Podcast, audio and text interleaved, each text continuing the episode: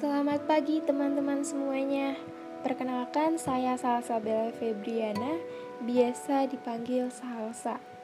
Pada podcast pertama saya Saya akan membahas tentang kekerasan anak dan ancaman terhadap generasi bangsa.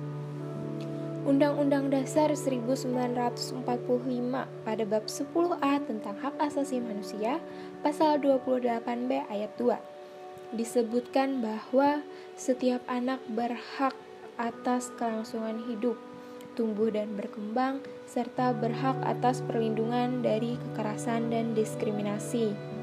Salah satu faktor penting dalam kesehatan masyarakat adalah kesehatan dan kesejahteraan dari anak-anak, yang di mana anak-anak tersebut akan menjadi generasi penerus bangsa.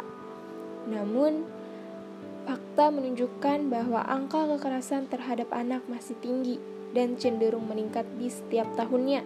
Peningkatan tersebut tidak hanya dari segi kuantitas atau jumlah kasus yang terjadi, tapi juga dari segi kualitas.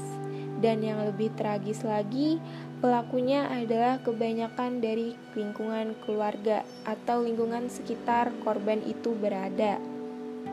Misalkan di lingkungan sekolah, bahkan rumah dia sendiri, atau lembaga pendidikan, dan lingkungan sosial anak.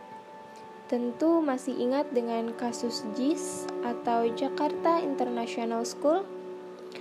Kasus tersebut seolah menjadi pintu pembuka bagi terungkapnya berbagai kasus kekerasan seksual terhadap anak.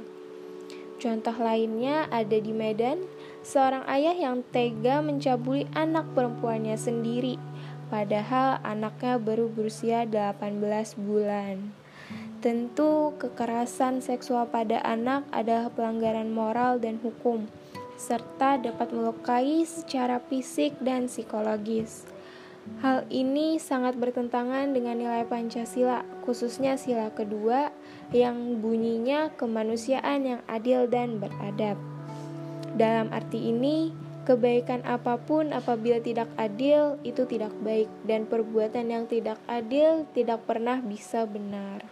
Demikian pula kelakuan yang tidak beradab tidak akan pernah bisa benar. Demikian podcast saya yang membahas tentang kekerasan anak dan ancaman terhadap generasi bangsa.